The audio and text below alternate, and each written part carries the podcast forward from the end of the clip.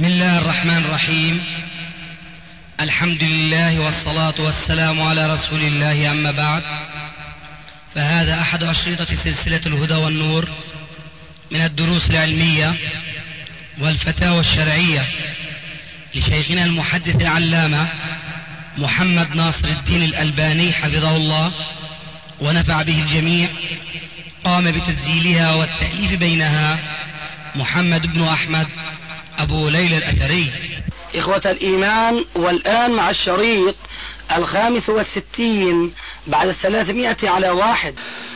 من أجل ذلك اختلف العلماء قديما وحديثا على مرجع الضمير في الرواية الصحيحة إن الله خلق آدم على صورته. وهذا الخلاف في اعتقادي يجب أن يفرغ منه بعد أن وقفنا على رواية الإمام البخاري في صحيحه بلفظ خلق الله آدم على صورته طوله ستون ذراعا. فتكون رواية البخاري الصحيحة مفسرة مبينة للرواية الصحيحة الأخرى وهي قوله عليه الصلاة والسلام خلق الله آدم على صورته. فمرجع الضمير في صورته اتضح في رواية الإمام البخاري بلفظ خلق الله آدم على صورته طوله ستون ذراعا. لأن هذا الوصف بهذا الطول لا يصح بوجه من الوجوه أن يرجع إلا إلى آدم عليه الصلاة والسلام. وبذلك ننتهي من مشكلة التساؤل والخوض في حديث خلق الله آدم على صورة الرحمن سواء من حيث الرواية التي دلت على ضعف إسنادها أو من حيث الدراية التي دلت على شذوذها ومخالفتها للرواية المتفق عليها إسنادا ومخالفتها لرواية البخاري الصحيحة المخالفة لها مثنى هذا ما عندي جوابا عن هذا السؤال. غيره. تفضل. بالنسبة ذكرتم من العلل التي ارفع صوتك. ذكرتم من العلل التي تقدح في الحديث أن الأعمش مدلس. نعم. طيب يا شيخ روايات الأعمش كيف تحمل في غير الصحيحين؟ هذه الذي أذكره الآن آه، لعل من آه، رجل هو مدلس وهو حبيب ابن أبي ثابت. ما أستحضر الآن إن كان في هذا الإسناد أيضا عن عنة الأعمش فهل أنت متحقق من ذلك؟ جميل. وهل هي رواية عن الأعمش عن حبيب؟ وكلاهما مدلس. وجوابنا بالنسبة لسؤالك هذا الثاني أن رواية الأعمش بالعنعنة إذا جاءت في الصحيحين فهي مقبولة بناء على اجتهاد صاحبي الصحيحين وثقة بعلمهما وتتبعا ب وتتبعا منهما لرواية الحديث. أما إذا جاءت رواية الأعمش خارج الصحيحين فحين ذاك روايته تكون تحت البحث والفحص والقبول والرد وذلك يعود إلى آه، دراسة آه، هذا الحديث الذي عنعنه الأعمش على ضوء ما يحيط بهذه العنعنة من مؤيدات لدفع هذا هذه العنعنة أو لقبولها. فحينئذ ليس هناك قاعدة مضطردة كما هو الأصل في حديث المدلس والذي ثبت عنه أنه مكثر للتدليس. فبالنسبة للأعمش هذا ليس عندنا قاعدة ضابطة يقال بأن عنانته مقبولة دائما أو مرفوضة دائما. والمثال الآن بين أيدينا. هذا الحديث كما سمعتم آنفا خالف حديثين آخرين. آه، أحدهما متفق على صحته والآخر مما تفرد به الإمام البخاري. فهنا يضطر الباحث إلى أن يقف عند عنعنة الأعمش أو حبيب ابن أبي ثابت ويقول لعل العلة في إحدى العنعنتين لأن الحديث المحفوظ لم يأتي فيه التصريح بالمضمر وهو الرحمن في كل من الروايتين المذكورتين آنفا. وحين ذاك نعود إلى إعلال الرواية التي لا نجد علة ظاهرة فيها إلا العنعنة هذا مثال صالح متى يمكن الجزم بأن بأن عنعنة الأعمش تكون غير مقبولة وبخاصة إذا كان الحديث مما تنكبه الشيخان اللذان يسلكان عادة عن عنة الأعمش فيمكن أن يقال والحالة هذه لأمر ما أعرض أصحاب الصحيحين عن رواية الأعمش هذه عن حبيب لأن فيها العنعنة وفيها المخالفة في المتن. هذا جوابي عن سؤالك الثاني. شيخ سؤال. تفضل. ذكرت أن عنعنة الأعمش في الصحيحين تحمل على السماع وذلك لثقة الشيخين إلى آخره. فما أدري بالنسبة لعنعنة ابن الزبير المكي. في صحيح مسلم في حالة عنعنته عن جابر. ما هو نعم. الفرق بينها وبين عنعنة الأعمش؟ الفرق واضح حينما جاء التفصيل عن الإمام الليث بن سعد المصري رحمه الله بأنه طلب من أبي الزبير أن يعلم له عن الروايات التي سمعها من جابر مباشرة وبهذا تميزت عنده الروايات التي لم يسمعها من جابر. الفرق هنا أن روايات جابر انقسمت بسؤال الليث الدقيق له انقسمت إلى قسمين. قسم سمعه من جابر وقسم لم يسمعه من جابر.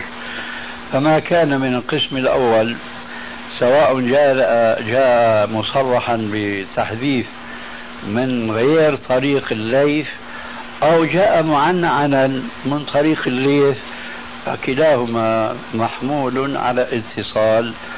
أما إذا جاء من رواية غير الليث عن أبي الزبير معنعنا فيبقى هذا من القسم الثاني الذي لم يصرح آه، أبو الزبير للإمام الليث بأنه سمعها فكأنه يكون نصا صريحا وبعبارة عامة أن كل الحديث رواه أبو الزبير بالعنعنة ليس من القسم الأول الذي علم لليث بأنه سمعه من جابر. طيب يا شيخ. آه بالنسبة لحديث الليث عن الأعمش عن أبي الزبير حمل على الاتصال. طيب أحيانا يرتفع التدليس عن طريق روايات أخرى يصرح بها بالسماع حتى وإن كانت من غير طريق الليث. ألا ممكن أن يكون يرد هذا؟ ويكون الإمام مسلم قد اطلع على هذه وإلا كيف؟ آه وضح لي مرادك. يعني بارك الله فيك الآن الليث. حدث عن أبي الزبير ما كان مسموعا لأبي الزبير. تمام. طيب. آه كما هو معلوم أن التدليس أحيانا قد يرتفع بورود رواية أخرى لأبي الزبير أو لغيره من المدلسين حدث بها. نعم. آه ألا يكون الإمام مسلم رحمه الله قد اطلع على هذه الروايات فحمل روايته في آه كما اوردها في مسلم على الاتصال؟ هذا محتمل ولكنه ليس على سبيل الجزم. وحينئذ هذا الاحتمال إما أن يتأكد وإما أن يطيح ويزول. ولكننا حينما نبحث في بطون الكتب سواء ما كان منها مطبوعا أو مخطوطا ولا نجد في كثير من الروايات المعنعنة من رواية الزبير في صحيح مسلم لا نجدها مصرح بالتحديث فيها في الكتب الأخرى فلا يمكننا أن نغلب آه، الظن بأن الإمام مسلم قد وقف على التصريح بالتحديث في رواية أخرى. هذا يقال بعد البحث والفحص ونحن لا ننكر بل لعله يصح لي أن أقول بأنني بفضل الله عز وجل ورحمته أجد كثيرا من الأحاديث التي رواها مسلم في العنعنة من طريق أبي الزبير عن جابر أجد لها تصريحا بالتحديث خارج مسلم. نستفيدها فائدة وننقذ بها عن عنة زبير عن أن تكون علة في الحديث لأن زبير أبي الزبير أبا الزبير صرح بالتحديث في رواية أخرى وقد عنيت أخيرا في الطبعة الجديدة التي هي الآن تحت الطبع إن شاء الله لكتاب مختصر صحيح مسلم للحافظ المنذري فقد أفردت جهدا خاصا لتتبع روايات أبي الزبير عن جابر التي جاءت معنعنة في صحيح مسلم فوجدت لها بعض الشواهد فعلقتها على هذا المختصر في الطبعة الجديدة. فحينما يكون أو تكون روايات أبي الزبير عن جابر تحت هذا البحث ثم لا نجد ما من التصريح ما ننقذ به إعلان الحديث بالعنعنة لا يسعنا إلا أن نلحق هذه الروايات المعنعنة في صحيح مسلم بالقسم الآخر الذي يقابل القسم الأول الذي علم آه، أبو الزبير لليث بأنه سمعها من آه، جابر رضي الله عنه. هذا جوابي أيضا عما سبق. غيره. بالنسبة يا شيخ الصحيحان قد انتقد عليهما قبل هذا الزمان. صح. ولكن هل انتقد علي عليهما أو على أحدهما من ناحية تدريس أبي الزبير عن جابر؟ وكيف لا؟ ألم ترى قول الإمام الذهبي في ترجمة أبي الزبير هذا يقول له أحاديث آه، في صحيح مسلم؟ من روايته عن جابر بالعنعنة وفي القلب منها شيء. هذا أولا. وثانيا آه لقد تتبع ابن القطان الفارسي الإمام عبد الحق الإشبيلي في كتابه الأحكام الكبرى حيث أن عبد الحق هذا في الواقع أحيانا كان له جهد مشكور في التنبيه على عنعنة أبي الزبير في بعض الروايات التي جاءت في مثل سنن الترمذي وغيرها. فجاء الإمام الناقد بعلم وهو ابن القطان المذكور آنفا فتتبع الأحاديث المعنعنة في كتاب الأحكام الكبرى سواء ما كان منها من رواية الإمام مسلم أو من رواية غيره كالترمذي مثلا.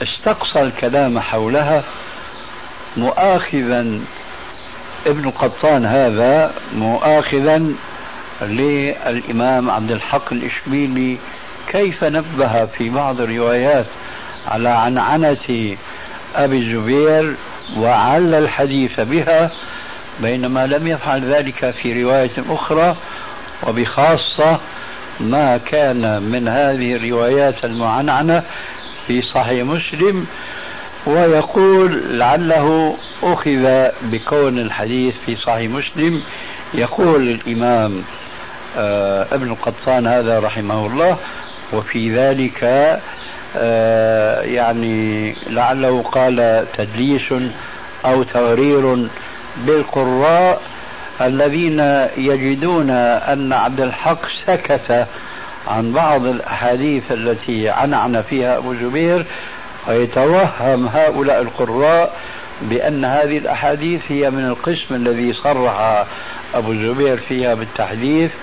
والأمر ليس كذلك. فإذا لست بالذي يتفرد بإعلال حديث أبي الزبير عن جابر بل لنا في ذلك سلف هم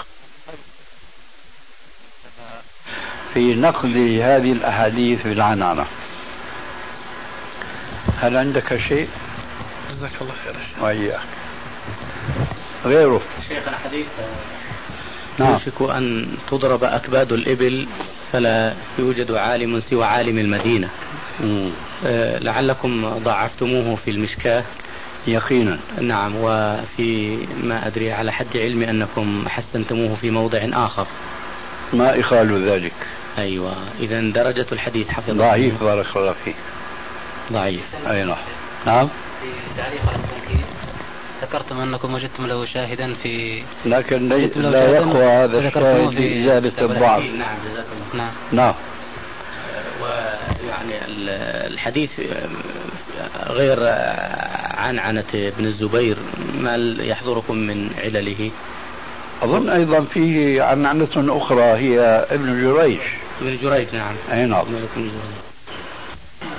نعم غيره. في سؤال يا شيخ. بالنسبة الذهبي رحمه الله ذكر في ترجمة مالك أبو الخير في ميزان الاعتدال. ذكر؟ في ترجمة مالك أبو الخير. مالك أبي الخير أيوة. نعم. في ميزان الاعتدال. أيوة. قال إن الراوي إذا روى عنه جمع من الثقات ولم يؤت بما, بما ينكر عليه فحديثه حي الصحيح نعم. ففي هذا يعني تعديل لهذا الراوي في حين أن هذا الراوي لم تعرف عدالته إنما عرفت عن طريق من روى عنه. فلو تبين لنا هذه المسألة وهل هي خاصة بالتابعين فقط أم من بعدهم؟ لا ومن بعدهم أيضا. لأن طريق الحصول على العدالة إما أن تكون بطريق المخالطة ومباشرة الاتصال بالراوي وإما أن يكون من طرق أخرى. ونحن نعلم يقينا أن الأئمة السابقين حينما يوثقون الراوية وهو غير معاصر لهم ولا هم معاصرون له إنما وصلوا إلى تعديلهم وإلى الاعتماد على حفظهم وعلى ضبطهم من طريق الاستقصاء والتتبع لرواياتهم من جهة وتتبع الرواة الثقات عنهم من جهة أخرى. لأنه من المستحيل أن يتمكن المتأخر الاتصال بالمتقدم وبينهما ما شاء الله من السنين التي تحول بطبيعة الواقع بين الباحث والاتصال بالذي يراد تعديله أو توجيهه. فإذا ما هي الطريقة التي مثلا يقول الإمام أحمد ويحيى بن معين وامثالهما من الأئمة المعدلين والجارحين للحكم على تابعي بأنه عدل أو أنه ليس بعدل ثقة ضابط أو ليس كذلك. لا شك أن الطريق في ذلك هو أحد سبيلين.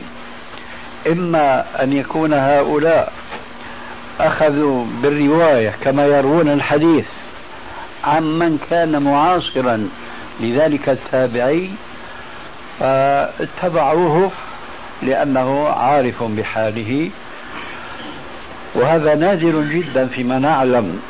وإما أن يكون بالطريقة الأخرى التي ذكرتها آنفا وهي مدار الحديث آنيا وهي أن يصبروا أحاديث هذا الراوي الذي لم يعاصروه ثم يحكمون عليه بما تدل عليه تتبعهم لأحاديث هذا الراوي.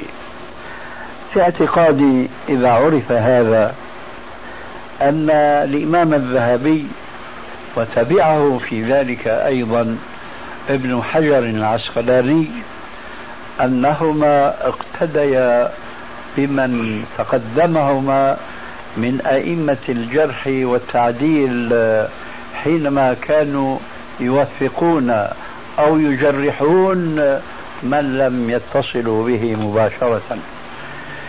ذلك من دراستهم لأحاديث هذا الراوي والرواة عنه. فهم إذا اقتبسوا هذه الطريق من أسلوب الأئمة المتقدمين في التجريح وفي التعديل.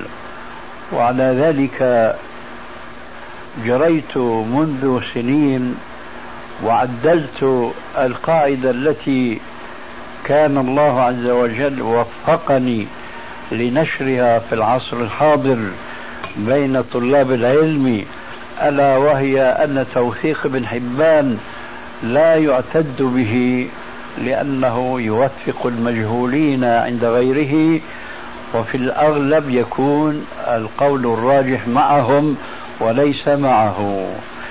بعد الصبر والدأب على طلب العلم وتتبع الأقوال العلماء في الجرح والتعديل ورواية الرواة عن من وثقه ابن حبان أدخلت تعديلا رأيت من الواجب علي أن أنشره أيضا بين الطلاب ولو بعد لأي لأنه من العلم الذي وصلنا إليه أخيرا ألا وهو أن ابن حبان رحمه الله إذا وثق رجلا تفرد بالتوثيق هو دون غيره من أئمة الجرح والتعديل.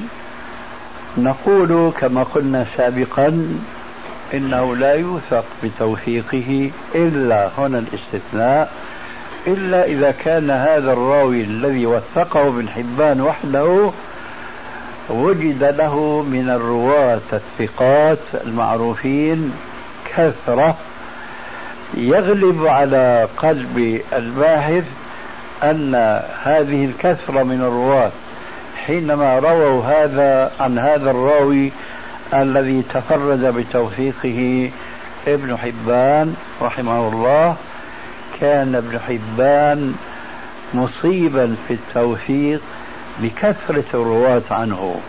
أما إذا تفرد بتوثيق راو ليس له عنه إلا راو واحد فحينئذ نطبق القاعدة العامة أننا نحشره في زمرة المجهولين الذين وثقهم ابن حبان.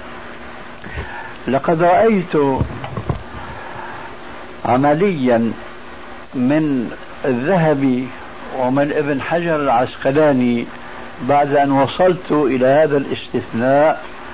لقد وجدتهما يتفردان بتوثيق بعض الرواة ولو لم يجدوا من نص على التوثيق ولو كان مثل ابن حبان بالتساهل لقد صرحوا بتوثيق بعض الرواة وإن لم يوثقه ابن حبان أو من كان مثله في التساهل كالعجلي أو كالحاكم لا يوجد في تراجم هؤلاء من وثقه. مع ذلك لاحظوا القاعدة التي نقلتها أنت آنفا عن الذهبي فلما وجدوا من العدول كثرة رووا عن ذاك الراوي الذي الأصل فيه أن يقال إنه مجهول لم يوثقه أحد. مع ذلك فقد وجدتهم يقولون أعني الذهبية والعسقلاني تارة يقولون في مثل هذا الراوي إنه ثقة. وإذا ألانوا القول فيه قالوا صدوق مع أنه لم يقل أحد ممن قبلهم من أئمة الجرح والتعديل قولتهم هذه أو تلك. فإذا هم سبروا طريقة أئمة المتقدمين. كيف كانوا يحكمون بثقة أو عدم ثقة الراوي وهم لم يعاصروه ولم يخالطوه من دراستهم لأحاديث هذا الراوي وللرواة عنه. فإذا العدالة نستطيع أن نصل إليها بمعرفة عدالة الرواة عن ذاك الراوي الأص... الذي الأصل فيه أنه مجهول لدينا. فإذا كثر الرواة العدول في الرواية عن من لم نعرف عنه توثيقا أو تجريحا اعتبرنا رواية هؤلاء الثقات عنه تعديلا لهم. على هذا آه، رأينا ما قال الذهبي صوابا لأنه سلك في ذلك سبيل أئمة الجرح والتقديم في عندك شيء هنا؟ تفضل. شيخنا كتاب رواة الحديث الذين سكت عليهم أئمة الجرح والتعديل أخ عذاب الحمش رد على أبي غدة فصل من الفصول في قضية آه، الإمام ابن حبان وكتابه الثقات. هو رسالته في الماجستير عن ابن حبان. أيوة. فيقول مراتب الرواة المترجمين في كتاب الثقات. يقول قال الشيخ المحدث عبد الرحمن المعلم اليماني وهو يتحدث عن مراتب المترجمين في كتاب الثقات. يقول والتحقيق أن توثيقه على درجات. الأولى أن يصرح بالتوثيق كأن يقول كان متقنا أو مستقيم الحديث أو نحو ذلك. الثاني أن يكون الرجل من شيوخه الذين جالسهم وخبرهم الثالثة أن يكون من المعروفين بكثرة الحديث بحيث يعلم أن ابن حبان وقف له على أحاديث كثيرة. الرابعة أن يظهر من سياقه من سياق كلامه أنه قد عرف ذاك الرجل معرفة جيدة. الخامسة ما دون ذلك. فالأولى لا تقل عن توثيق غيره من الأئمة بل لعلها أثبت من توثيق كثير منهم والثانية قريب منها والثالثة مقبولة والرابعة صالحة والخامسة لا يؤمن فيها الخلل والله أعلم. وقال الشيخ ناصر الدين الألباني تعقيبا على كلام الشيخ المعلمي هذا تفصيل دقيق يدل على معرفة المؤلف المعلم رحمه الله تعالى وتمكنه من علم الجرح والتعديل وهو مما لم أره لغيره فجزاه الله خيرا. غير أنه قد ثبت لدي بالممارسة أن من كان منهم من الدرجة الخامسة فهو على الغالب مجهول لا يعرف ويشهد بذلك صنيع الحفاظ كالذهبي والعسقلاني وغيرهما من المحققين فإنهم نادرا ما يعتمدون على توثيق ابن حبان وحده ممن كان في هذه الدرجة بل والتي قبلها أحيانا. بعد هذا الكلام كله يقول أيوة. قلت إن هذا الكلام على إطلاقه من الشيخين فيه نظر. فالرواة المترجمون في كتاب الثقات قسمان قسم انفرد ابن حبان بالترجمة له أو كان اعتماد أو كان اعتماد من ترجمه بعده عليه وهؤلاء, وهؤلاء يزيد عددهم على ألفي ترجمة من الكتاب. والقسم الثاني الرواة الذين اشترك مع غيره في الترجمة لهم وهؤلاء صنفان أولا الرواة الذين أطلق عليهم ألفاظ الجرح والتعديل وهؤلاء يقرب عددهم من ثلاثة آلاف راو. وقد تعددت ألفاظ النقد وتباينت دلالاتها كما قدمت بعض ذلك فبينما تجده يصف الرجل بالحفظ أو الإتقان أو الوثاقة أو الصدق أو استقامة الحديث إذا بك تجده يصف الرجل بأنه قد يخطئ أو يخطئ أحيانا أو يخطئ كثيرا أو يخطئ ويخالف أو يخطئ ويغرب ويدلس ويخالف. والرواة الذين يصرح فيهم بالتوثيق ليسوا على درجة واحدة في نفس الأمر في كل مصطلحات التوثيق. فقد وجدت وصف خمسة وخمسين رجلا بالإتقان بيد أنني لم أجد لغيره كلاما في ثمانية منهم والذين وجدت لهم تراجم كانوا جميعا من الحفاظ أو الثقات. أما لفظ مستقيم الحديث وما دار في فلكه فقد أطلقه ابن حبان على ستة وخمسين راويا ومائتي راو وقد جاءت ألفاظه الدالة على الاستقامة متعددة فتارة يصف الراوي بأنه مستقيم الحديث جدا وتارة يصفه بأنه مستقيم الأمر في الحديث وتارة يقيد الاستقامة بشروط فيقول مثلا مستقيم الحديث إذا روى عن الثقات أو إذا روى عنه الثقات. وتارة يقول روى أحاديث مستقيمة وأنه مستقيم الحديث يغرب ومستقيم والرواة الذين يصرح فيهم بالتوثيق ليسوا على درجة واحدة في نفس الأمر في كل مصطلحات التوثيق. فقد وجدت وصف خمسة وخمسين رجلا بالإتقان بيد أنني لم أجد لغيره كلاما في ثمانية منهم والذين وجدت لهم تراجم كانوا جميعا من الحفاظ أو الثقات. أما لفظ مستقيم الحديث وما دار في فلكه فقد أطلقه ابن حبان على ستة وخمسين راويا ومائتي راو. وقد جاءت ألفاظه الدالة على الاستقامة متعددة فتارة يصف الراوي بأنه مستقيم الحديث جدا وتارة يصفه بأنه مستقيم الأمر في الحديث وتارة يقيد الاستقامة بشروط فيقول مثلا مستقيم الحديث إذا روى عن الثقات أو إذا روى عنه الثقات. وتارة يقول روى أحاديث مستقيمة وأنه مستقيم الحديث يغرب ومستقيم الحديث ربما أخطأ كما أطلق عبارات أوضحت لنا مقصوده من الاستقامة ولكنه أكثر ما أطلق في هذا المصطلح بلفظ مستقيم الحديث مجردا وله ألفاظ أخرى مشابهة ولكنها قليلة. وقد وجدت في من وصفه ابن حبان بأنه مستقيم الحديث الحافظ والثقة والصدوق ووجدت فيهم المجروح والمضاعف والمجهول حسب اصطلاح المتأخرين. وقد كانت ألفاظ النقد التي أطلقها ابن حبان في كتابيه الثقات المجروحين تسعة عشر لفظا ومائتي لفظ. درستها جميعا دراسة نقدية في رسالة سالفة الذكر وأعددت لها ملاحق خاصة بألفاظها. ولذلك فإنني أرى أن هذه الإطلاقات من فضيلة الشيخ اليماني رحمه الله عامة وعائمة. وما ذكره فضيلة الشيخ الألباني من أن كلام الشيخ المعلم تفضيل دقيق غير دقيق ولا مفيد في التحقيق العلمي شيئا. ثانيا الصنف الثاني الرواة الذين سكت عليهم ابن حبان ويزيد عددهم على عشرة آلاف راو. فهؤلاء على طبقات متباينة ولا يمكن إعطاء حكم دقيق ولا تقريب عنهم. ففيهم الثقة الحافظ وفيهم الصدوق وفيهم المستور وفيهم المجهول والمجهول الحال وفيهم الضعيف ومنكر الحديث إلى آخره. نعم قد تفيدنا ترجمة ابن حبان للرجل في تعيين شخصه فقد ينفرد ابن حبان بمعلومات عن الرجل تذهب عنه جهالة العين بل وجهالة الحال أحيانا بيد أن سكوته عن الرجل لا يعني أنه ثقة عنده. ولا يرد على قول هذا أن ابن حبان قد ذكر في مقدمة كتابه أن كل من أودعه كتاب الثقات فهو صدوق يحتج به إذا توفرت فيه الشروط الخمسة التي ذكرها لأن هذا الكلام نظري وقد نقضه ونص على نقضه في مواضع وقد وجدناه نص في مواضع كثيرة من الثقات على أن فلانا لم يذكره للاحتجاج وإنما ذكره للمعرفة.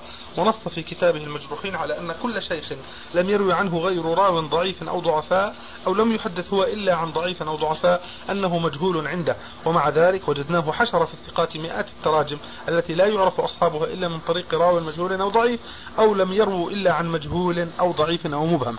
والفصل في الرواة الذين سكت عليهم ابن حبان هو عرضهم على كتب النقد الأخرى. فإن وجدنا فيها كلاما أخذنا بما نراه صوابا مما قاله أصحاب كتب النقد وإن لم نجد فيها كلاما شافيا طبقنا قواعد النقاد عليهم وقواعد ابن حبان نفسه. وأغلب الرواة الذين يسكت عليهم ابن حبان ويكون الواحد منهم قد روى عنه ثقة وروى عن ثقة يكونون مستورين يقبلون في المتابعات والشواهد. ولذلك فإنني قلت في رسالة عن ابن حبان, في الرواة الذين ترجمهم ساكتا عليهم بأنهم على ثلاث درجات. واحد من أهل الثقة وأهل الصدق. ثانيا رواة مرتبة الاعتبار. ثالثا الرواة الذين لا تنطبق عليهم شروط ابن حبان النقدية في المقبول. وهؤلاء ذكرهم المعرفة. والله أعلم. نريد شيخنا تعقيب على هذا مجمل؟ هذا لا يمكن التعقيب عليه لأنه هذا يحتاج بشكل عام يعني. تأليف رسالة. ولكن أنا أتساءل أنه ما مناسبة دراسة تلاوة أو قراءة هذا التعليق من المؤلف هذا بالنسبة لموضوعنا السابق. نعم. لأن موضوعنا السابق كان محصورا جدا كما أعتقد أنه ثنائي على الشيخ المعلمي رحمه الله أيضا هو في دائرة محدودة النطاق نعم. كان كلامنا بالنسبة لما تفرد به ابن حبان آه، من التوثيق وليس هناك ما يؤيده أو يعارضه نعم. فهو نقل الكلام الآن إلى خلاف ما كنا فيه في صدده فنحن نعلم بأن ابن حبان في كثير من الأحيان يورد الراوية في الثقات ثم يورده أيضا في كتابه الضعفاء. هذا أمر معروف وبخاصة في الآونة الأخيرة حيث توجهت منذ بضع سنين إلى وضع فهرس خاص لذاتي ولشخصي ولأستعين به على بحثي وتحقيقي حول الأحاديث. بدأت في وضع فهرس لثقات لابن حبان لأن من كان على علم ودراسة لأسلوب ابن حبان في كتابه الثقات يتعب كثيرا للحصول على ترجمة الراوي آه، المطلوب آه، البحث عنه ترى هل أورده ابن حبان في ثقاته أم لا. فبدأ لي يومئذ أن أضع فهرسا يسهل وييسر لي الوصول إلى آه، الرجل الذي يراد ترجمته بأقرب وبأيسر طريق. ثم شاء الله عز وجل لي زيادة في الخير. أن انفتح أمامي طريق من البحث والتحقيق حول كثير من هؤلاء الرواة. فمن ابتداء كان المشروع هو فارس لتيسير الحصول على التراجم وإذا به يتحول مع الزمن إلى تحقيق حول كثير من الرواة الذين ذكرهم ابن حبان في كتابه الثقات. من ذلك ما ذكرته آنفا أنه يورد الراوي الواحد في الكتابين المتناقضين منهجا يورده في الثقات ويورده في الضعفاء. كذلك تبينت لي الصورة التي تكلمت عنها آنفا إنه يورد الراوي في كتابه ويقول روى عنه فلان. لا يسمي إلا راويا واحدا. لكنني مع التتبع وجدت هذا الذي ترجمه ابن حبان في كتابه الثقات برواية ثقة واحد. وجدنا له رواة آخرين في مثل الجرح والتعديل ومثل تهذيب آه، ابن حجر ونحو ذلك. فحينئذ وجدت نفسي لابد من التعليق على أمثال هؤلاء الرواة أنه قد روى عنه فلان وفلان وفلان زيادة على الراوي الذي ذكره ابن حبان آه، في ثقاته.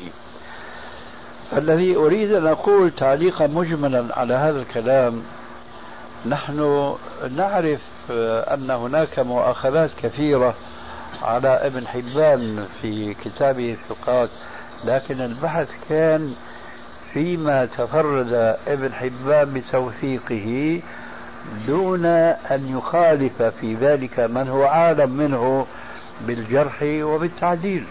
لا يوجد لدينا إلا أن ابن حبان وثقه. فما قيمة هذا التوثيق؟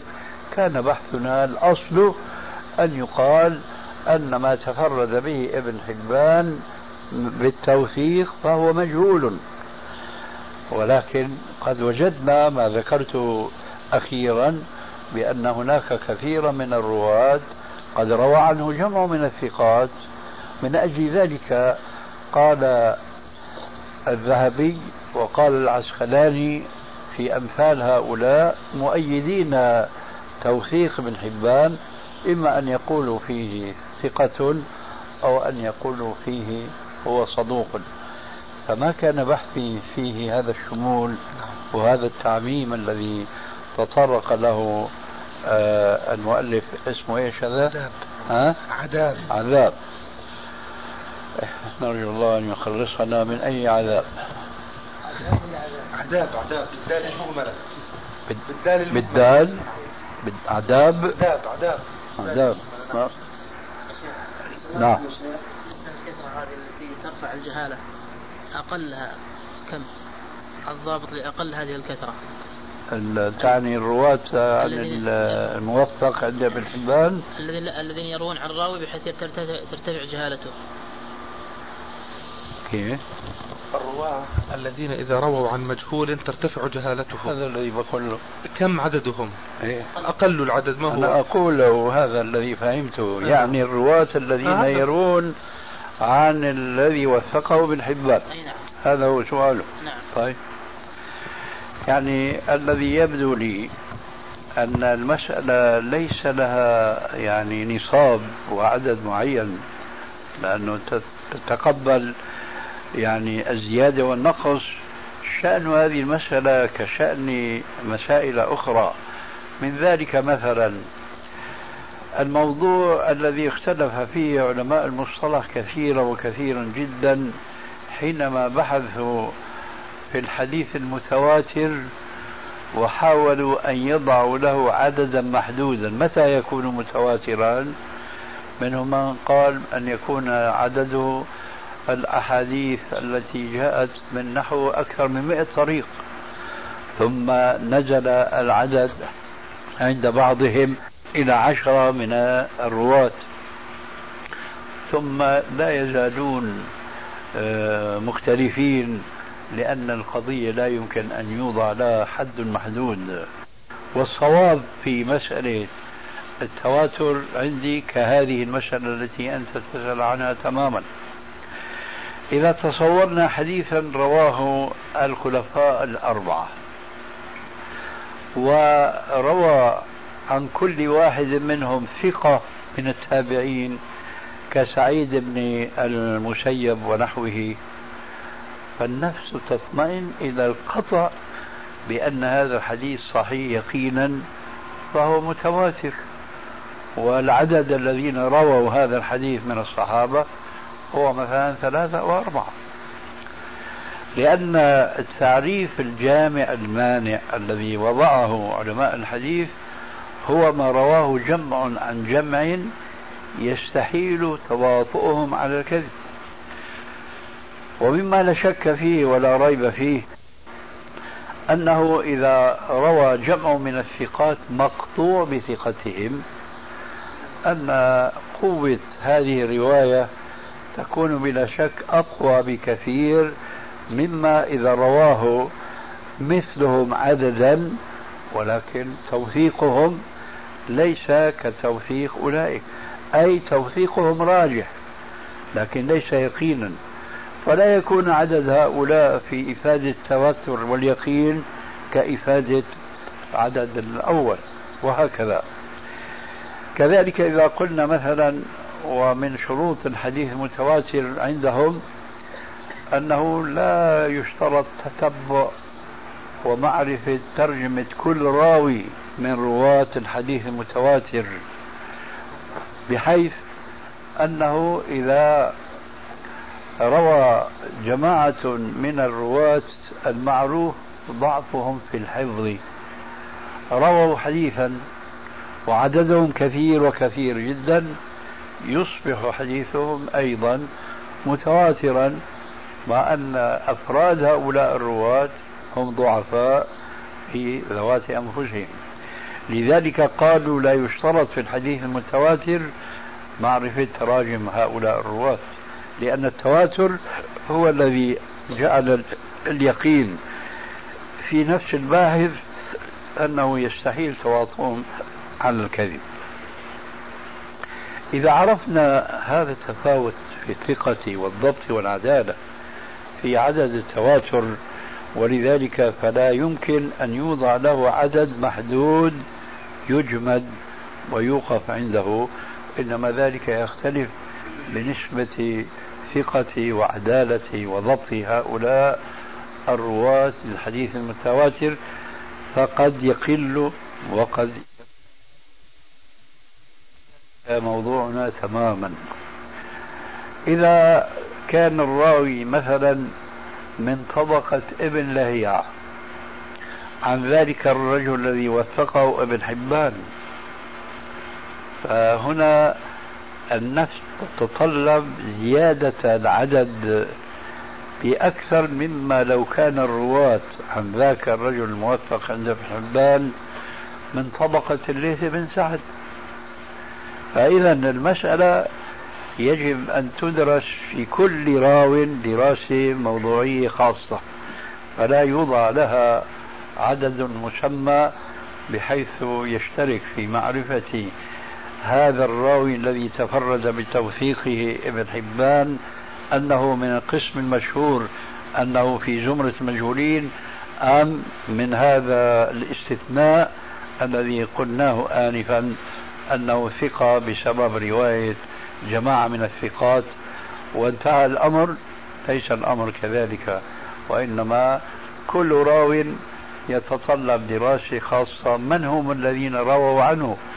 فإن كانوا في نسبة آه، الإمام الليث مثلا من حيث الشهرة بالثقة والضبط والعلم ونحو ذلك فتكتفي النفس حين ذاك بأن يكونوا ثلاثة أو أربعة.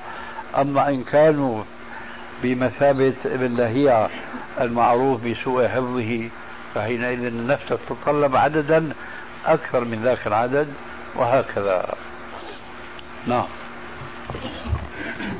معلوم أن كثرة الرواة عن الرجل ترفع عنه جهالة العين لا جهالة الحال. أي نعم. وفهمنا من حديثكم من صنيع الحافظ ابن حجر والذهبي أنها قد ترفع أيضا جهالة الحال. فألا يكون صنيع يحيى بن معين وابن حجر والذهبي يحيى بن معين؟ نعم كما ذكرتم على سبيل المثال أنهم يوثقوا من لم يعاصروه. أه. نعم أن توثيقهم للرجل لا يكون من كثرة الرواة عنه وإنما من كثرة رواياته وسبرها ومقابلتها بالروايات الأخرى. ومعرفة أن الرجل لا يهم ولا يخطئ كثيرا.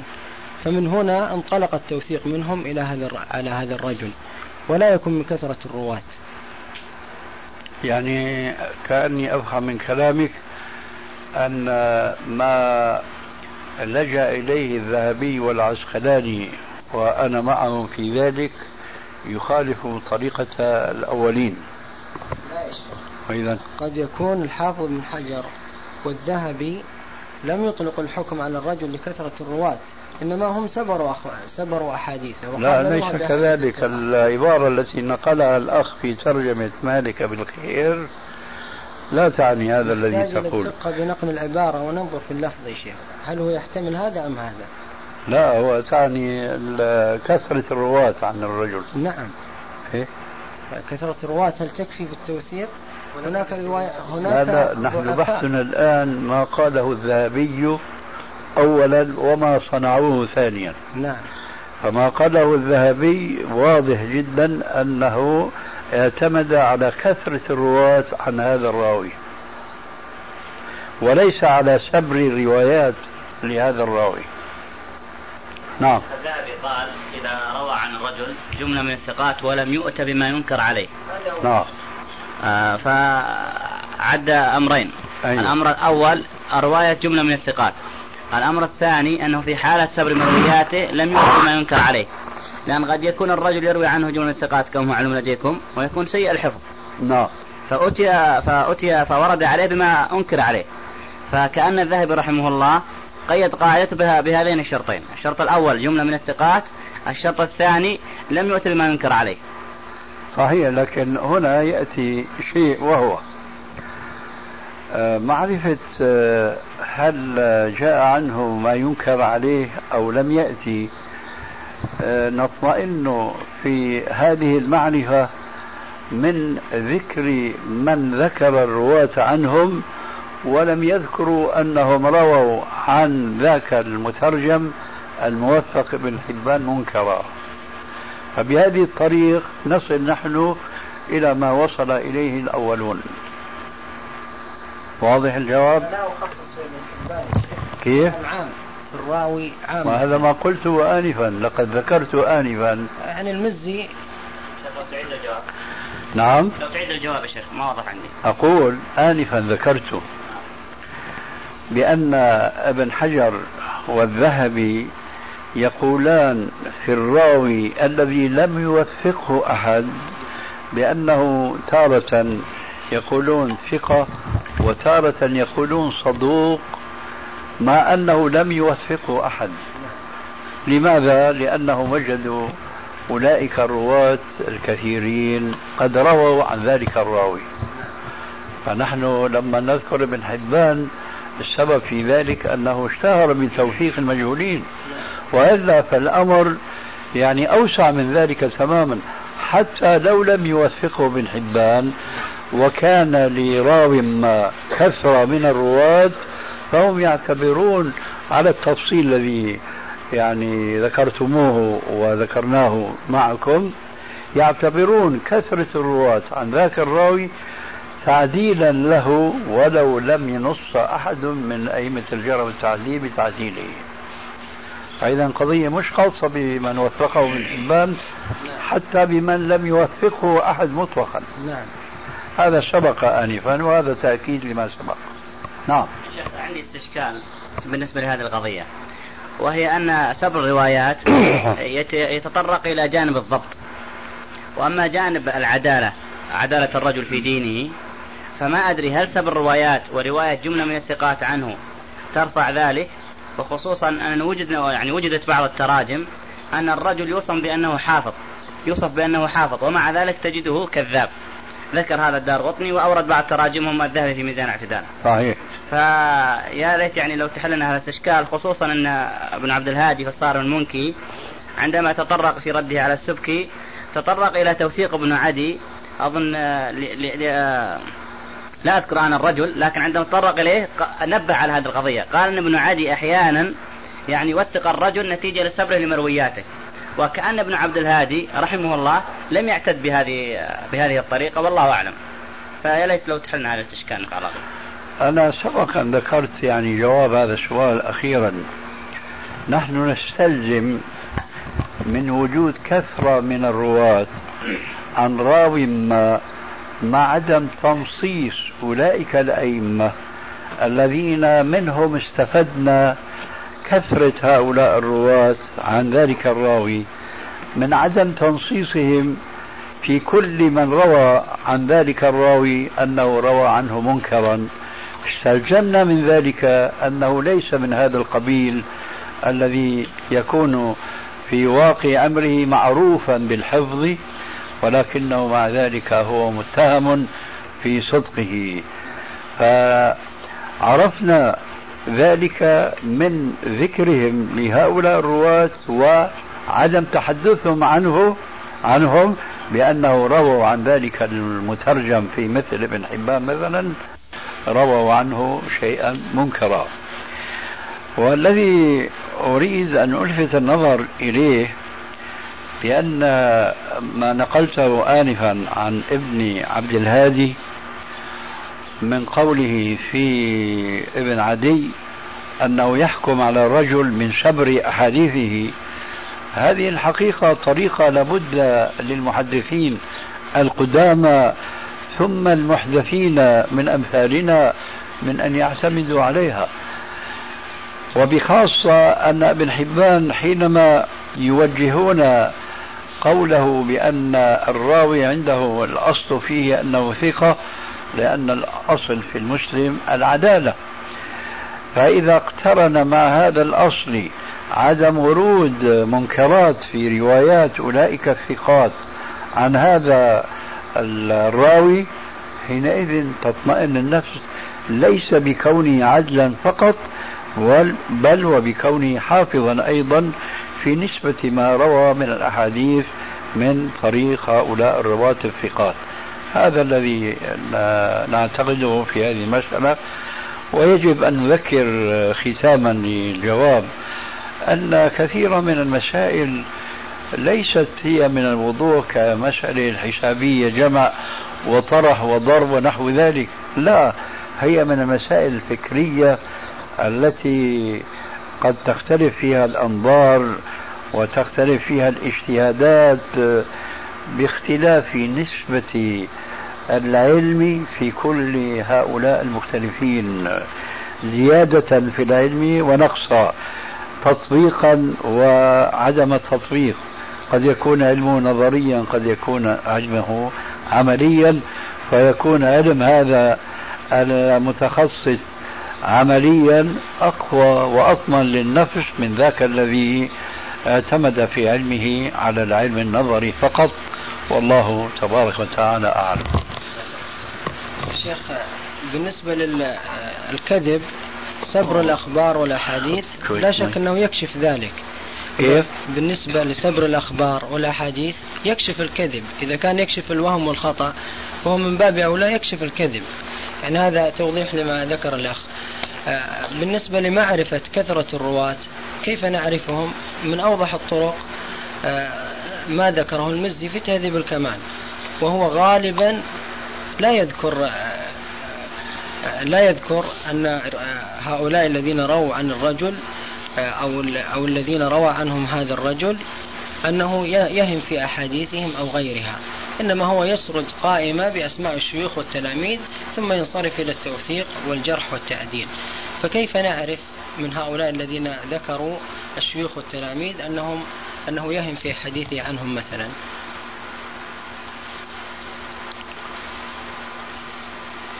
كيف نعرف؟ ما فهمت.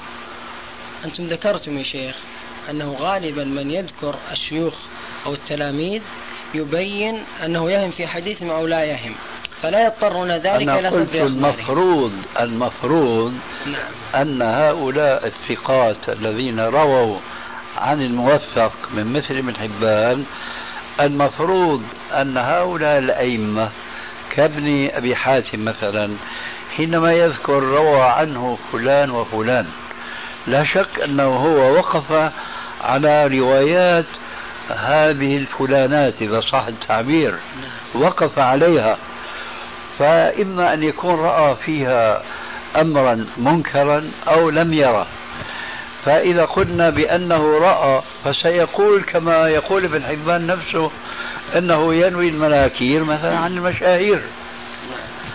وإذ لم يقل ذلك فقد استنبطنا من ذكره رواية هذا الثقة عنه وعدم ذكره أنه روى عنه منكرا أنه لم يجد في روايته منكرا.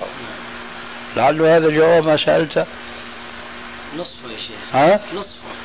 هات شوف ما ما بقي من النصف الثاني بالنسبة للمزي آه. وللذهبي في السير أيوة. وغي وغيرهما ممن يذكر التلاميذ والشيوخ طيب وهم اقتنصوها مثلا من الكتب الستة يجردها من روى عنه من روى مشايخه وتلميذه دون سبر أخبارهم طيب. كما يفعل المزي والذهبي وغيرهما أيه.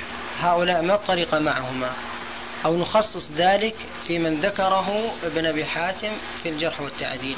لكن هؤلاء يا أخي الآن أخذ البحث طورا آخر. الحافظ المزي في تهذيب الكمال حينما يكثر من الرواة عن المترجم لا يقصد ما يقصده أحدنا اليوم حينما يكثر من الرواة عن الراوي الذي الأصل فيه أنه مجهول أو مستور. لا يقصد باستيعابه للرواة ما نقصده نحن اليوم. فحينئذ إنما هو يعتمد على ما ينقله عن الحفاظ الناقدين المعدلين أو الجارحين. فنقله هذا يغنيه عن المقصد الذي نحن نتوجه إليه حينما نتطلب الكثرة من الرواة عن الراوي الموثق من ابن حبان. فسبيلنا الآن في البحث يختلف عن سبيل آه، المزي في تهذيب الكمال لأنهم يعتمدون على نقل الجرح والتعديل عن الأئمة السابقين. لكننا إذا وقفنا في ترجمة في التهذيب تهذيب الكمال يقول روى عنه فلان وفلان وفلان ثم لا شيء بعد ذلك. هذا هنا يفيدنا ما نحن نقصده. أما إذا قال روى عنه فلان وفلان ربما ذكر لك مئة راوي مئة راوي. لكن بالأخير بيقول لك وثقه الإمام أحمد وثقه ابن معين. إذا نعرف أنه لا يعني من هذا الاستقصاء ما نعنيه نحن في موضوعنا السابق. لكن إذا جاءت ترجمة وهذه لها بعض الأمثلة في الواقع في التهذيبين تهذيب الكمال وتهذيب التهذيب يقول عنه روى عنه فلان وفلان وفلان ثم لا شيء بعد ذلك. وقد يقول وذكره ابن حبان في الثقات ثم لا شيء وراء ذلك. إخوة الإيمان تتمة الكلام في الشريط التالي. وقد يقول وذكره ابن حبان في الثقات ثم لا شيء وراء ذلك. وقد يقول وثقه العيني ثم لا شيء وراء ذلك فيختلف حينئذ نتيجة ترجمة مثل هذا عن ترجمة آخر يقول روى عنه فلان ووثقه ابن حبان أو وثقه العيني فلا شك أنه لا يجوز حين ذاك التسوية بين الترجمة الأولى والترجمة الأخرى. أعني الترجمة الأولى التي ذكر فيها أربعة أو خمسة من الثقات ثم قال ذكره ابن حبان. وبين الترجمة الأخرى التي ذكر عن المترجم راويا واحدا